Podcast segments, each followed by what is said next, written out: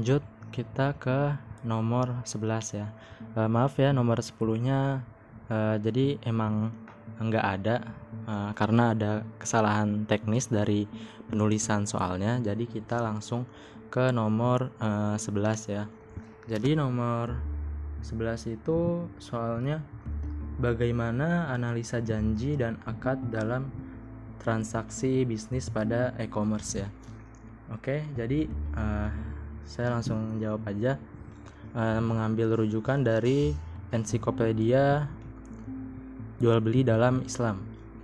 Uh, jawabannya transaksi jual beli pada e-commerce yang diperbolehkan harus memenuhi beberapa persyaratan seperti dilihat dari jenis barang yang dijadikan perjanjian, dilihat dari sisi cara penetapan harga, dan dilihat dari cara pembayarannya sebagai contoh pada uh, Shopee, Tokopedia, dan Bukalapak, e-commerce tersebut jelas barangnya dan jelas pula harganya karena memakai sistem penukaran uang dengan barang serta juga bisa uh, buat melakukan tawar-menawar oleh si penjual.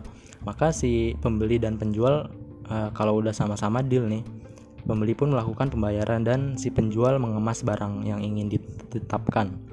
Walaupun si pembeli hanya melihat barang lewat foto dan video, namun uh, e-commerce tersebut memberikan jaminan berupa garansi barang baru atau uang kembali ketika barang tersebut sampai dengan keadaan rusak ataupun tidak sesuai dengan yang difoto. Maka dari hal tersebut kita sudah melihat bahwa proses akad dan janji itu terjadi.